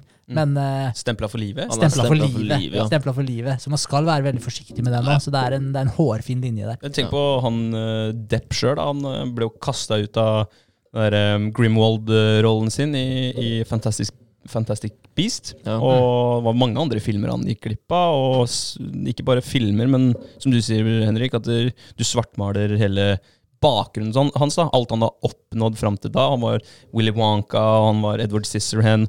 Alt blir bare glemt. Nå er han eh, konebankeren, liksom. Ja. Jeg har ikke forandra synet mitt på John Depp. Nei, ikke heller. Absolutt ikke. Altså, Hun derre Amber-kjerringa dret i senga hans. Ja. Og bare det er nok for meg. At uh, du taper. Ferdig snakka, liksom. Hvem faen er det som gjør det? Det er jo helt sjukt. Hun er gæren, hun. Ja. Å. Så hun har blitt stempla for meg. ja, Hvis du driter i senga di nå, da, da, må du, da må du skjerpe Hva deg. er det for en hevn, liksom? Det er jo helt sykt. Ja, det er drøyt. Det var, var det, det var en komiker som heter Mark Normand, som sa at eh, eh, Johnny Depp skulle hatt eh, en eh, god del herd immunity. Den er litt morsom.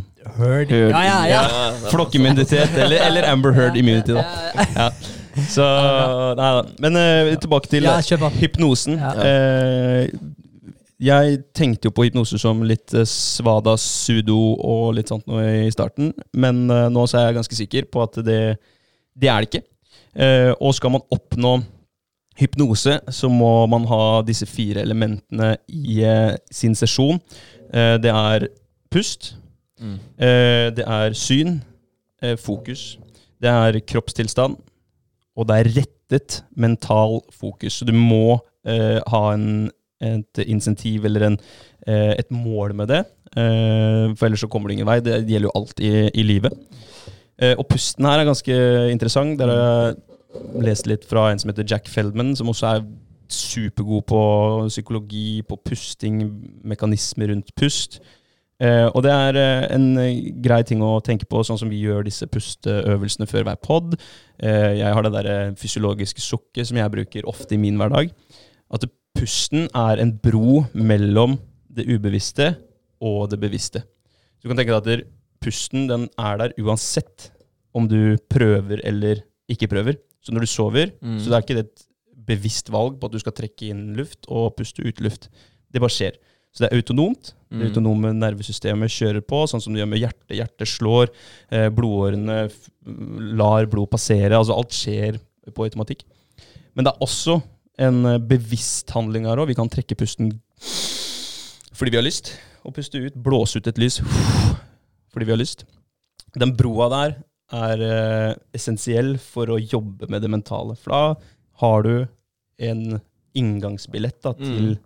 Eh, det kognitive som du skal jobbe med. Det er veldig kult å tenke på. Men jeg kan få en sånn konflikt med meg sjøl innimellom, ass, med det pust, pustinga. Altså, jeg kan faktisk innimellom så kan jeg bare Oi, faen, nå har ikke jeg pusta på en stund, liksom. Så må jeg puste, da. Hvis jeg, hvis jeg sitter og ser på en film, eller hva det skal være, altså, så, så begynner jeg å tenke på at jeg må puste.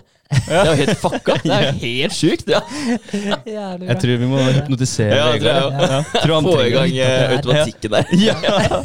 Ja, det er sjukt. Men jeg har det med blunking. Mm. Hvis jeg begynner å tenke på at eh, jeg ikke har blunka på en stund, eller jeg blunker mye, Ja. så sitter jeg sånn Faen, nå må jeg slutte. Ja, og svelging og Nei, det er mye man, man Men det er jo, det sier seg sjøl, det, er jo litt med, det har jo litt med saken å gjøre òg. Eh, hvis jeg sier til dere 'ikke tenk på en rosa elefant', Mm. hva er det, da tenker du jo på en rosa elefant. Og det er jo s- samme med livet generelt. Og hvis du f- prøver å framprovosere ting, eh, så går det som regel ikke. Hvis du, hvis du er ulykkelig, så bare si 'jeg skal bli lykkelig'. Det er ikke så sikkert du blir det. Eh, det er nok gjerne flere steg, og det er andre ting du må gjøre før du blir eh, lykkelig. Det er det. Ja, det, er det. Så, det, så man, må, man må jobbe med disse eh, si, konfliktene, da. Mm. Og det er jo det hypnosen tillater. Og det er morsomt at det starter med en konflikt. Du begynner med den in, eh, induseringen, eller induksjonen, altså det vil si veien ned i en hypnose, og så skal du ha den dype hypnosen. Og så er det eh, intervensjonsstadiet, som er i behandlingsform. Da. Det er jo da terapeutene begynner med det de kan. Eh, det er jo derfor jeg ville anbefalt å gå til en terapeut òg. Fordi da, da begynner med å deale med de problemene du kom dit for. Og ikke bare prøver å få deg til å eh, glemme navnet ditt, eller hva det måtte være. Det det jeg har sett det veldig ofte på YouTube-filmer hvor de har hypnotisert folk midt på gata. og det bare ja, du har nå glemt hva du heter.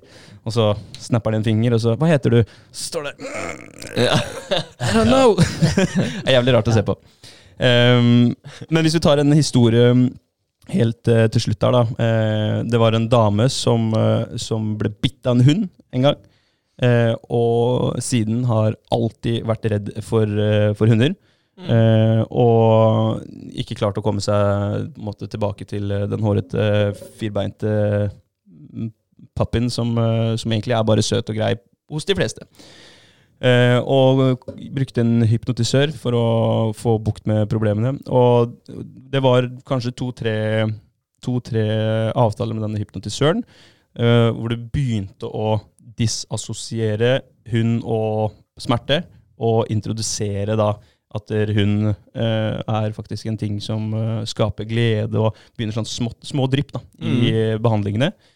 Og mm, til slutt, da, når man er ferdig med et par behandlinger, så var det å spørre naboen om vi kunne låne eh, bikkja deres, og så ta med inn, holde i båndene, ha en, en trygg eh, på en måte reintroduksjon for, eh, for en ekte hund. da. Ja, ikke sant? Jeg hørte faktisk en case om det her for eh, litt siden. også, men Jeg husker Ja. ikke hvem som fortalte meg det. Men det var en jente som hadde blitt jaga av hunder da hun var liten da, og fortsatt redd for hund. da. Så sånn Uansett, Hun kunne liksom stå og si at jeg ser at en hund er snill og grei og vil ikke meg noe vondt, liksom, men jeg er fortsatt redd. da. Mm. Ja.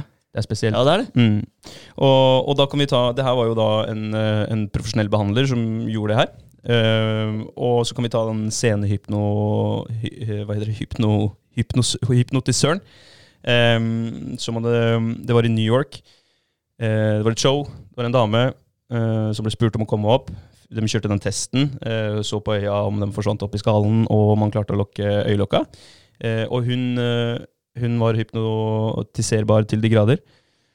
Og han kjørte en eller annen, øh, en eller annen sak på henne om at hun skulle tenke at hun holdt en eh, fugl i handa og skulle begynne å leke med den fuglen. Og, og litt sånt. Og akkurat da, når hun sto der, så brøt hun sammen og bare speina ut derfra.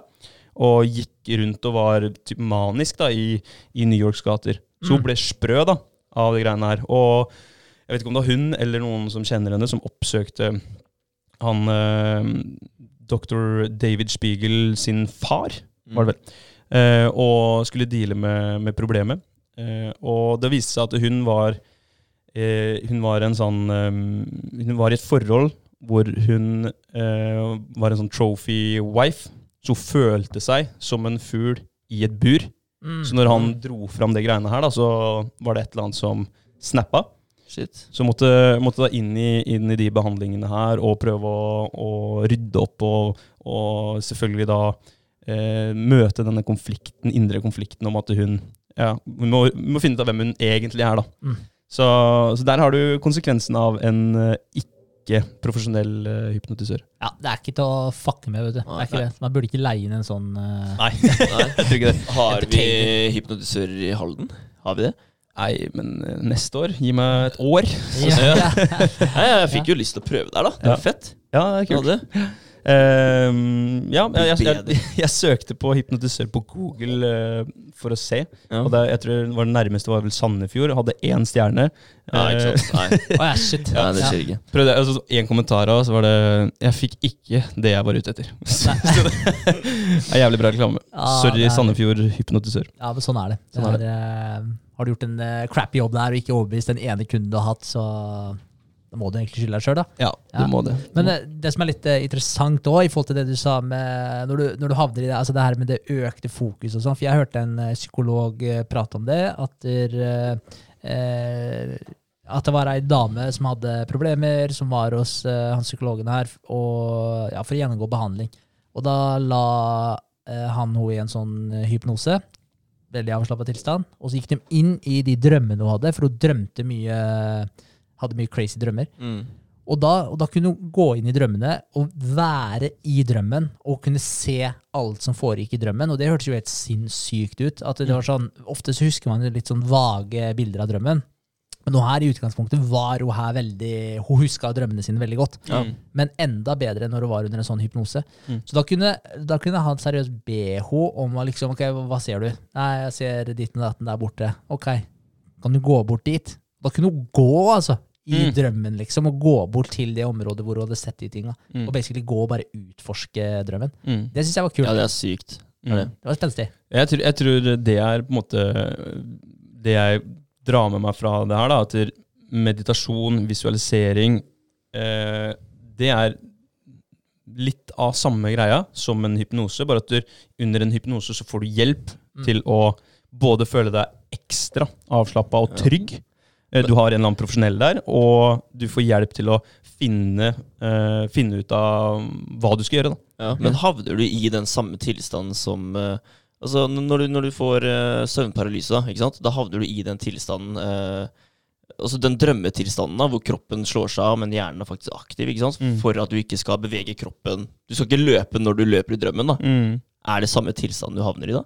Når oh, du blir hypnotisert? vet jeg ikke, høres jo veldig likt ut. Ja. At du er i en avslappa sånn, hva heter det? Rem sleep, eller hva faen heter det? Ja, det er drømmesøvnen. Ja. Ja. rapid eye movement. Ja. Ja.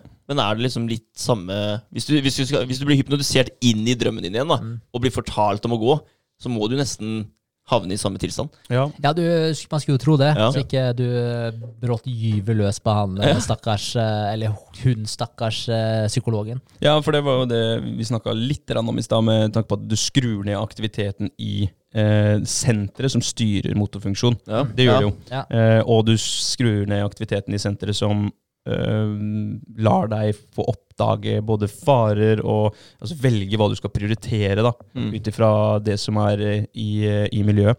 Eh, og det er jo for å komme ned i den dype tilstanden av avslapning. Mm. At du ikke skal ha noe som kan få deg ut derfra, Ja. utenom en kommando. Eh, og så må du ha hjelp da, til å f ha det fokuset, vedlikeholde det fokuset. Mm. Men, men i forhold til det, fordi du snakka om det med at man kunne liksom legge seg sjøl, eller, hypno, eller ja, eh, indusere en Mm. eh, hypnose sjøl. Men altså, du snakka om syn, eh, pust, Pust, ja. kroppsholdning, Nei, Kroppstilstand. ja, kroppstilstand. kroppstilstand, ja. Og, og så var det den siste var Rettet mentalt fokus. Hva Ja, går under fokuset. kroppstilstand, da? Det er den derre følelsen eh, om Fordi du må ha den tryggheten. Eh, gjerne under en, en hypnose så blir du eh, fortalt, da, eller du skal prøve å forestille deg og kjenne at du ligger eller sitter i, eh, i et der du er mest trygg i hele verden. Om det er du ligger og flyter i en eller annen varm innsjø, eller du, ligger, du flyter i verdensrommet, det er ingen som kan eh, røre deg. Det er den kroppstilstanden. Den må du ha, sørge for at det er, er eh, Du skal føle deg trygg. ja, veldig, Ja. veldig komfortabel. Ja. Um, og det, det er gjengående på de som har blitt hypnotisert. De føler at der, åh, jeg kjenner at kanskje smerten i, i eh, venstre kinke eller oppi ryggen forsvinner litt. Fordi man, Mm. man tar bort fokuset fra det somatiske eller kroppen, fysikken, og retter det innover mot hodet. Mm. Det var litt som eh, Jeg husker ikke om vi snakka om den under hukommelsespodden. At du, du har Vi klarer liksom ikke å kjenne at rumpa treffer puta mens vi sitter her og snakker. Det, Mm. det er ikke den sansen som vi bruker eller har aktivt mens vi sitter her og snakker under podden. Mm. Ellers så hadde vi blitt uh, overvelda av av uh, sanseinntrykk hele tiden. Ja, det det var helt klart fokusere på noen ting. Nei, kaos, ja. ja, Ja. Total kaos. Ja. Og det um, går igjen på meditasjon og visualisering. Og det er jo å unngå kaos, og så heller løse opp i nøster da, av problemer. Ja, Mm. Men liksom, hva er forskjellen på å uh, Hvis uh, jeg skulle uh, selvhypnotisert meg selv nå, kontra satt meg visualisert eller meditert, hva, hva er på en måte, hva er det som skiller dem?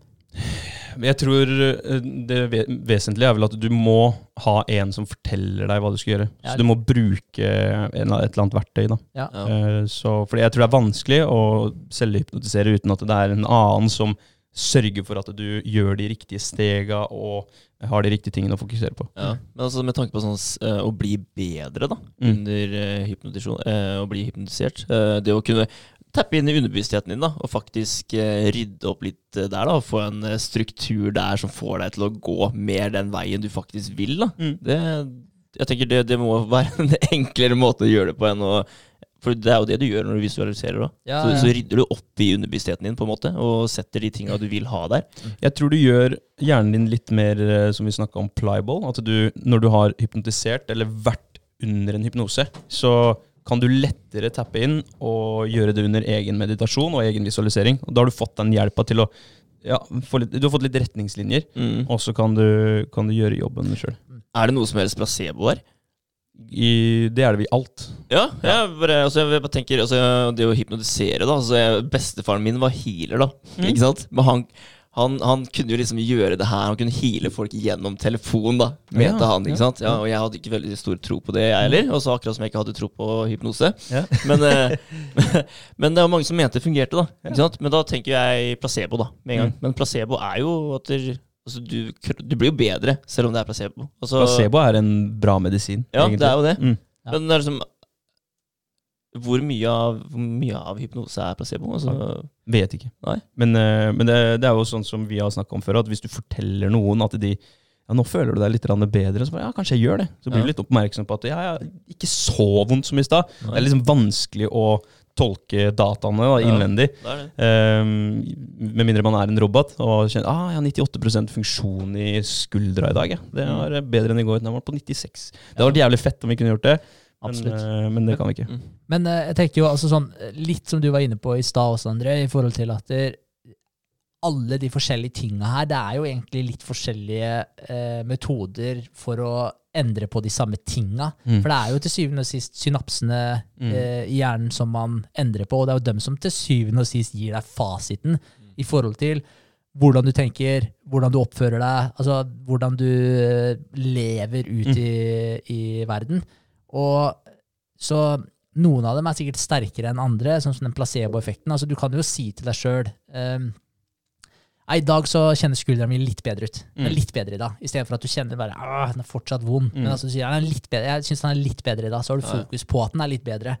Og så, eh, hvis du hele tiden har fokus på det, eh, og du tenker på den skuldra di, men at du tenker litt mer positivt på den, kanskje prøver å ta litt mer hensyn til den, for nå tenker du nå går det riktig vei, nå må jeg være forsiktig med den. Altså, Mm. Eller kjører de øvelsene som du burde kjøre. ja, eller, du, gjør- du gjør alle de riktige tinga Mm, for å mm. få den eh, til å bli bra. Og så på et eller annet tidspunkt så, så, så blir den bra. Men så har du den eh, placebo-greia. Si du får en sukkerpille, og så sier de at det her er en medisin som fikser skuldra di, og så ah, brått så var skuldra di helt fiksa. Mm. At du tapper inn i en sånn mye sterkere eh, Hva skal jeg si? At du får en mye sterkere effekt av den placeboen enn du får av tankene dine. Ja. Men kanskje hvis du hadde blitt lagt i en hypnose, så hadde det vært et eller annet sted imellom her da, som hadde påvirka det. Kanskje du hadde vært eh, 5 eller 10 eller 15% bedre i skuldra di. Mm. Så, så at det, alt er på en måte kanskje eh, gjør den samme tingen, men på forskjellige måter og i Og varierende grad. styrker, da. Ja. Ja, jeg, tror, jeg tror det er veldig riktig. Og det, det har vi snakka om litt om før, at større eh, eventer i livet ditt setter seg jo hardere, Mm. så, og spesielt negative. Eh, så den sukkerpilla er kanskje eh, Det er en større begivenhet da, enn at du sier til deg sjøl en ting, for det kan du gjøre hver eneste dag. eh, Hele tiden. Det er bare din egen indre stemme som forteller deg noe. Mens når du får en sukkerpille fra et annet menneske, så er det en, det er en situasjon der. ikke sant? Du Ja, har en interaksjon, og så Ja. er det tillit til han fyren som gir deg den Ja, eh, hvit frakk. hvit ikke sant? Autoritet. Ja, ja. Det er rart, det òg. Ja, Det, er veldig. det styrker det så mye at en annen person sier til deg at tar du det her, så blir du bedre, kontra at du sier det til deg selv. da. Mm. Det er det. Ja, ja, ja. Ja, men det, Det er noe vi bør bli flinkere til. da, Å klare å si ting til seg selv og tro på det. Ja, men, men jeg har tenkt på Altså, jeg driver og hører på en lydbok nå som Ja. heter uh, The Power of Now, med Eckhart Toll. ja. Og- og da den- han jeg snakka om i meditasjonspodden. Ja. Han er sjuk. Og den er, eh, den er interessant, den boka der. Og den, eh, den får deg til å tenke helt sinnssykt om hvor mye bevisst du er, og hvor mye ubevisst du er. Det er helt, eh, det er helt sprøtt. Så jeg går og prøver å ta meg i det nå mye. Og prøve å være mye mer til stede. Mm. Men det er helt vilt, for jeg, for jeg har meditert en stund og sånn. Og følt at jeg har vært sånn forholdsvis bevisst på det å på en måte være i nuet, fokus på pusten og den. Men nå når jeg går og hører på den, eh, den lydboka der, så får jeg den påminnelsen ofte. eh, Mm. Og det er helt sykt hvor lite til stede man egentlig er. Hvor mye man er. Eh, For sånn som han sier altså sånn, han sier bare du tenker på noe, hvor du tenker på noe, så er du ikke, du er ikke her. Mm. Hvis du bare, Uansett hva for en tanke som popper opp, hvis du entertainer den tanken, så er du ikke til stede. Så han sier det med tanke på det å være til stede, er jo at du er Det er ikke noen tanker der. Du er 100% her, og du, du tar inn de øyeblikka og alle de sansene med tanke på lyder, det du ser, eh, det du føler. At du tar inn alle de tinga der, men ikke at du på en måte går her oppe. Mm. Eh, og altså i hodet ditt, i tankemønsteret. Og det, det, er, det er helt sjukt, for han sier at da er du ubevisst. Du er ikke bevisst lenger. Når du er bevisst, så er du til stede. Da er du i nuet. Når du er ubevisst, så er du Da går du enten og maler i følelsene dine og driver og analyserer dem, eller at du er oppi tankene dine. Mm. Og, og, og det har jo mye med å ta kontroll over de tinga som du egentlig er litt inne på. Da, Vegard. Det med å faktisk eh, styre deg litt mer i den retningen du trenger, men da må du faktisk være til stede og heller velge da, Mm. hvilke tanker du skal entertaine. Fordi nei, det er, jeg, jeg er helt fascinert over hvor ofte tankene mine bare Vandrer. Ja, Ja. det er helt Ja, ja. vilt. Mm. Og i hvert fall nå når jeg er enda mer bevisst på det. Mm. Det, er, det er helt sinnssykt å tenke på hvor lite i nuet jeg egentlig er. Mm. Selv om jeg tror jeg er i nuet, så er det bare sånn eh, Fuck, jeg er jo ikke det. Så, så må jeg ta meg inn, liksom. Ja, det, er, det er helt merkelig. Ja, bra. Den, eh, ja. Ja, det er spesielt. Og jeg merker eh, det du sa i stad, det, det gir jo ganske mye mening at du, du har forskjellige trinn eh, på hvordan du kan påvirke psyken din og få deg sjøl til å ta positive valg som kan styre deg i riktig, i riktig retning. Men så er det ikke alle som kan gjøre det sjøl eh, enda. Og da kanskje man trenger en eller annen hypnotisør eller en, eller annen som, en psykolog da, som kan hjelpe deg i gang. Mm. Eh, et eksempel på det da var på et eh, barnesykehus eh, i, eh, i Statene, så var det en eh, kvinnes, eller et barn, dame, som slet med astma. Og så hadde hun prøvd å gitt henne sånn adrenalin og, og litt sånn forskjellig, for hun slet skikkelig med å puste. Så han, han Spiegel han ble tilkalt og sagt at du må hjelpe henne. da. Så han kom, gikk nedover korridoren og bare fulgte lyden av den der hvesinga av pustinga hennes, for den var helt grusom. da. Eh, og når han kom dit, så fikk han jo vite at de hadde prøvd ditten og datten, og de vurderte å, å sette opp på noen steroider og sånt noe hvert øyeblikk. Og det syntes han var, eh, var kanskje litt voldsomt. da, En ung jente på jeg vet ikke om hun var ti år eller noe sånt. noe. Så da spurte han eh, henne da om, om han kunne snakke litt og prøve en eller annen form for hypnose på henne. Og eh, det han egentlig gjorde, og han hadde ikke prøvd det her før, det var egentlig første gang, han fikk henne ned da, i en, eh, i en hypnose, og så lærte han henne å puste eh, litt og litt bedre. At han bare hadde fokuset på, på pusten og fikk roa henne ned. da. Og til slutt så pusta hun rolig i løpet av én session med han. Og sykepleieren så det her, og løp ut til oversykepleieren og leverte inn en skriftlig klage på at han hadde brøt en sånn, jeg tror det var Massachusetts law eh, om å bruke hypnose uten tillatelse på umyndigårige. Og om det er en law eller ikke, det vites ikke, men eh, Bitter sykepleier. ja, Ja, hva faen. det er jævlig Det var dumt. helt sjukt. Den Skal sette opp på steroider! ja. ja, ikke sant? Hun skal ha steroider, altså. Hun hadde så lyst til å prøve det. Nei, så, så alle var ikke helt klare for det på den Nei. tida der. Eh, men det endte vel med at eh, de gikk over helga, og så fikk de eh, de kom de fram til at nei, vi skal spørre familien da, om de syns det er greit å fortsette med det eller ikke. Så det, var, det endte jo med at han fortsatte bare behandlingen som funka. Ja, fornuftig. Så der, der ser du at da, der, hun kunne ikke bare gå og meditere, Nei. fordi hun hadde et såpass stort problem. Hun klarte faktisk ikke å puste.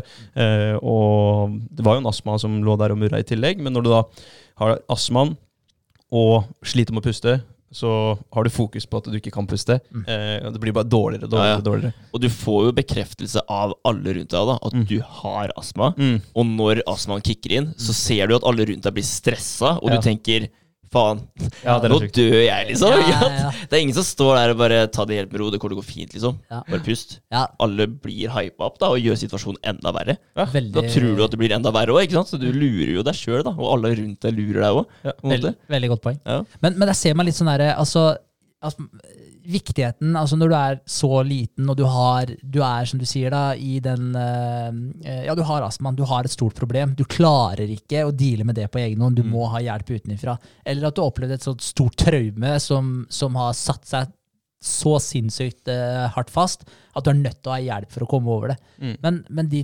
tinga her, det forteller den jo bare at man burde være ekstremt bevisst på den situasjonen som vi er i nå, Mm. og folk som er såpass gamle at de klarer å ha et bevisst eh, forhold til hva skal jeg si, sinnet sitt, tankene sine, og, og være litt mer eh, ja, hva skal jeg si, at man, at man er litt mer bevisst, for å bruke det ordet, Mm. eh, på det.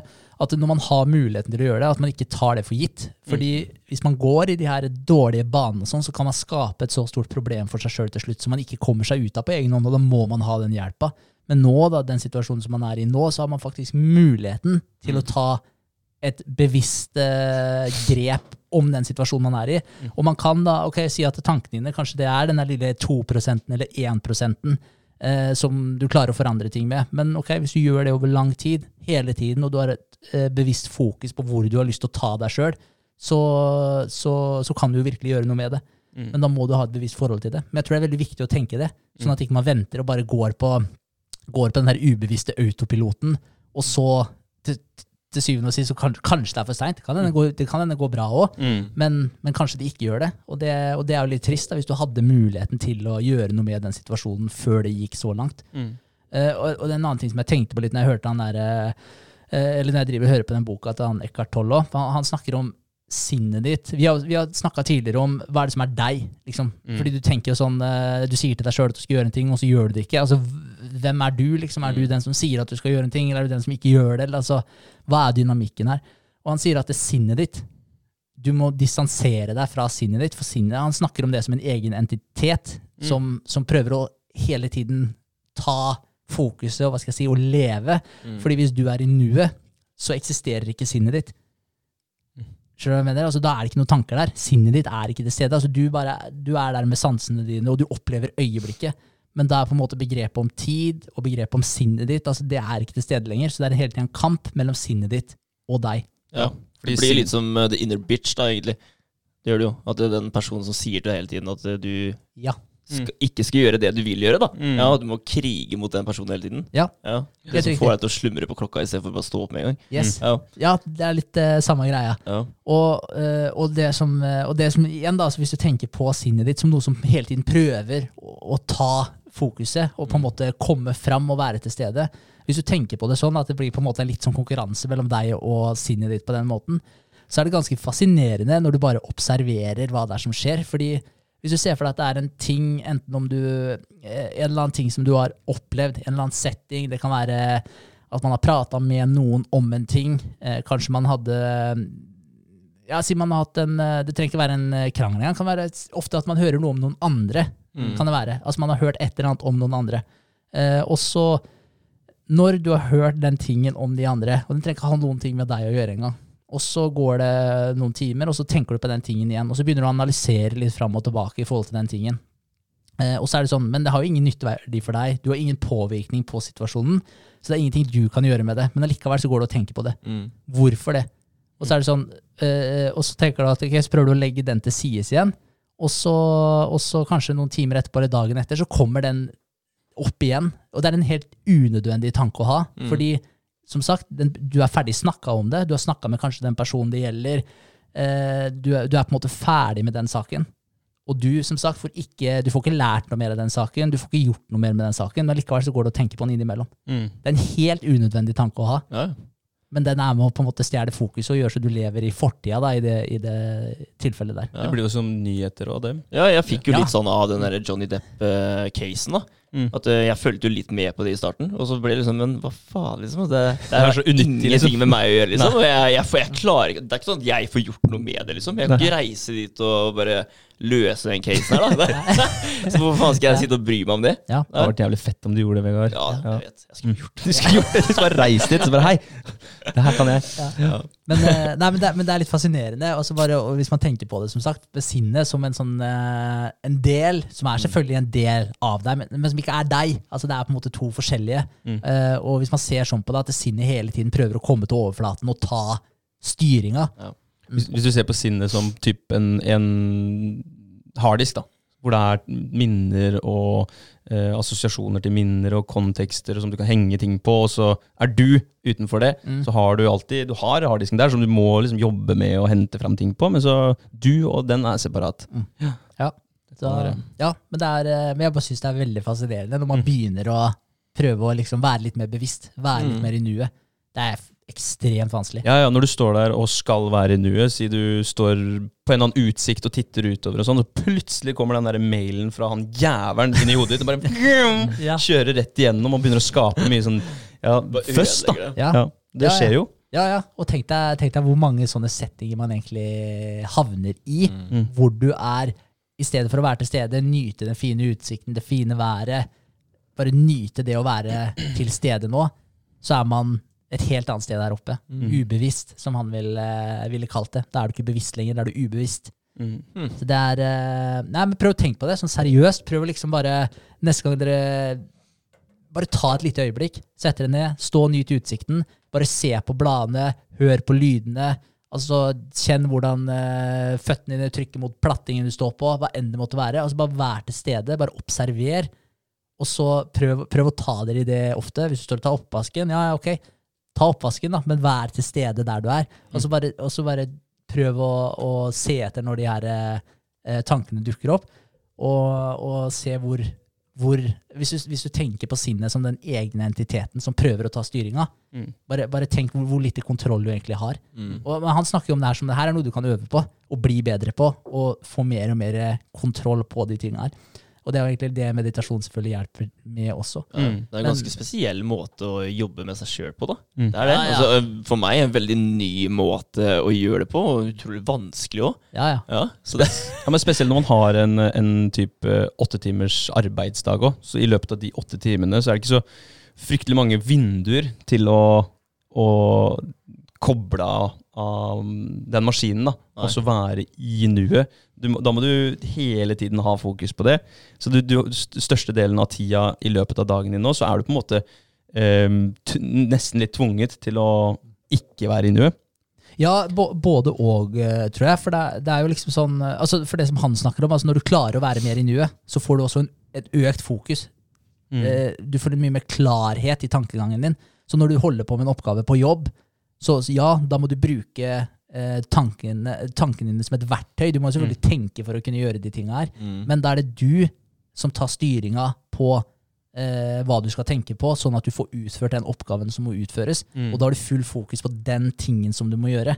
Og, og da er det du som på en måte initierer de tankene i den retningen som du mener at du burde, de burde gå i, for at du skal få utført den oppgaven på en best mulig og mest effektiv måte. Eh, ja. Ok. Så, så, så det med forskjellen er jo at der, når du står og holder på med noe, at det er sånn som når vi sitter her og prater, i stedet for at man har full fokus på det den andre sier, så kanskje man drifter av gårde et annet sted, da. eller man er ute og går en tur, i stedet for å bare nyte naturen rundt seg. Når man ikke trenger å tenke og analysere masse andre greier. Mm. Du skal gå en tur, hvorfor skal du gå en tur? Jo, for det er deilig å Bevege gå en tur, Ja. bevege seg, ja. få litt frisk luft. Vær til stede på turen, Mm. ikke vær her oppe, da. Mm. For da har du ikke en oppgave som du får utført akkurat der og da. Mm. Så han sa at en, en fin måte å, å prøve på det her på, også er å, å spørre deg sjøl har jeg noen problemer akkurat nå i det øyeblikket her. Og da kan du si nei, og da kan du være i nuet. Ja. Mm. Ja. Mm. Fett. Kult. For ofte så har man ikke noen problemer akkurat i det øyeblikket her. Nei. Det er også bare en sånn eh, liten åpenbaring som jeg fikk av å høre på den. Fordi ofte så tenker man at jeg har det og det problemet og sånn. Men nei, nei, du har ikke det. Det er, det er altså Overordna, ja, kanskje, men Ja. ikke akkurat nå. Nei, det er akkurat det. Trenger ikke bruke tid på det akkurat nå. Det er akkurat det. For Mm. som han sier òg, kan du gjøre noe med problemet akkurat nå? Nei, jeg får ikke gjort noe før til tirsdag, men jeg må huske på det. Ok, Sett på en alarm, sett på en varsling til tirsdag. Mm. Og da vet du at det, nå trenger jeg ikke å tenke på den tingen her lenger før tirsdagen er Mm. her, og da får jeg en varsling på det. Da kan du kvitte deg med den. Mm. Igjen, hvis den tanken driver og popper opp hele tiden da, så er det fordi sinnet ditt ikke sant, prøver å ta plass igjen. Ja. Sant. Jævlig fascinerende type. Jeg gleder meg til å høre resten av den boka. Får vi se. Nice. Ja, kult. Så bra. Ja, men Da går vi over på å debunke nummer to. Da Da skal vi inn i den terapeutiske avhandlingen om uh, Nei. nei. nei, nei. Ja. Nei, kult anyways. Altså, psyk... Nei, uh, Hypnose. hypnosetema. Ja, det var veldig. Psykologitema. Det det. Ja, men det er jo- psykologisk tema òg. Ja, det er det. Ja. Kult. Vi skal jo, apropos psykologi, vi skal Ja. jo høre på en eh, kjent, eh, anerkjent og kjent psykolog nå om et par fire-fem timer. Ja. Så Jordan Peterson er i Norge, det er jo ganske kult. Ja, det er kult. Det er Ja. kult. Eh, takk for at jeg fikk bli med oss. Det syns jeg var jævlig fett. Jeg gleder meg til å høre han, jeg òg. Ja, det bra. dritgøy. Det var ålreit uh, at det løste seg på den måten. Ja. Ja. Det blir en fin, eh, fin eh, ekskursjon, og um, vi må være i nuet, da. Definitivt. Ja, ja. Da må vi være i nuet. Da må vi være i du. Så, nei, det gleder jeg meg til. Det blir veldig spennende. Ja. Vi kjører eh, uka som kommer, eller?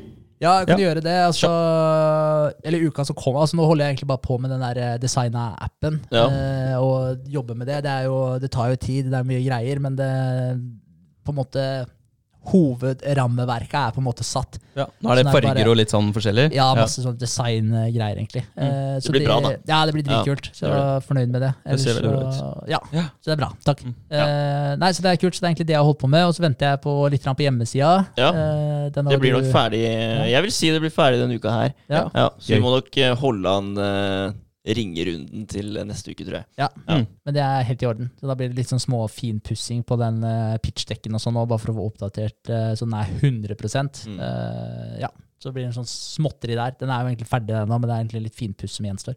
Mm. Så da, ja, så fort den hjemmesida er klar, så blir det å begynne å ringe, da. Mm, Ja. Det blir spennende. det. Nice. Mm. det blir gøy. Eh, bedre har jo solgt uh, litt rann, eh, til eh, andre i opptur og litt sånt. Og jeg sa at jeg tenkte Det var jo på en måte hoved eh, eh, til å kjøpe inn et såpass stort parti med varer. For at jeg visste at jeg hadde, har en kundegruppe da som eh, er avhengig av å kjøpe strikker. Mm. Eh, så det, der har jeg fått en eh, ordre nå. Det er eh, moro, eh, og da er det jo litt større ordre, så da kommer man jo Altså da får man jo litt penger inn. Mm. Eh, og det er deilig når man eh, har noen utgifter som skal også dekkes, da. Eh, og så jobber jeg videre med, med Sia. Den, eh, det er litt morsomt, for nå har jeg jo bygd to sider fra før, så nå begynner det å bli litt rann, eh, lettere. Og så sitter jeg og jobber med nivåsida også, så ja, det begynner å bli ganske god på det, da. Ja. Squarespace eh, er ufattelig mye hyggeligere å sitte og jobbe med enn Wordpress. Eh, Squarespace. Ja, fader, det er, det er en drøm, altså. Du har ikke de samme mulighetene, selvfølgelig. Med Wordpress så har du jo uendelige muligheter, egentlig. Mm. Men eh, for nivået sin, eh, sin del så er Squarespace helt eh, konge. Ja. Veldig intuitivt og ja, drag and drop. Eh, bare skrive inn, legge til bilder. Har et stort bibliotek, har masse bilder og ja, veldig, veldig fint. Nice. Så ja, jobber litt med, med begge hjemmesider, egentlig, denne uka som kommer nå. Mm. Nice. Kult. Ok, Gå framover. gå fremover. Kult. Ja. Bra, det. Fett. Bra. Skal vi dra til Oslo, da? Vi gjør det. La oss gjøre det. Yes. Takk for i dag. Takk Takk for i dag. Ha det. Ha det.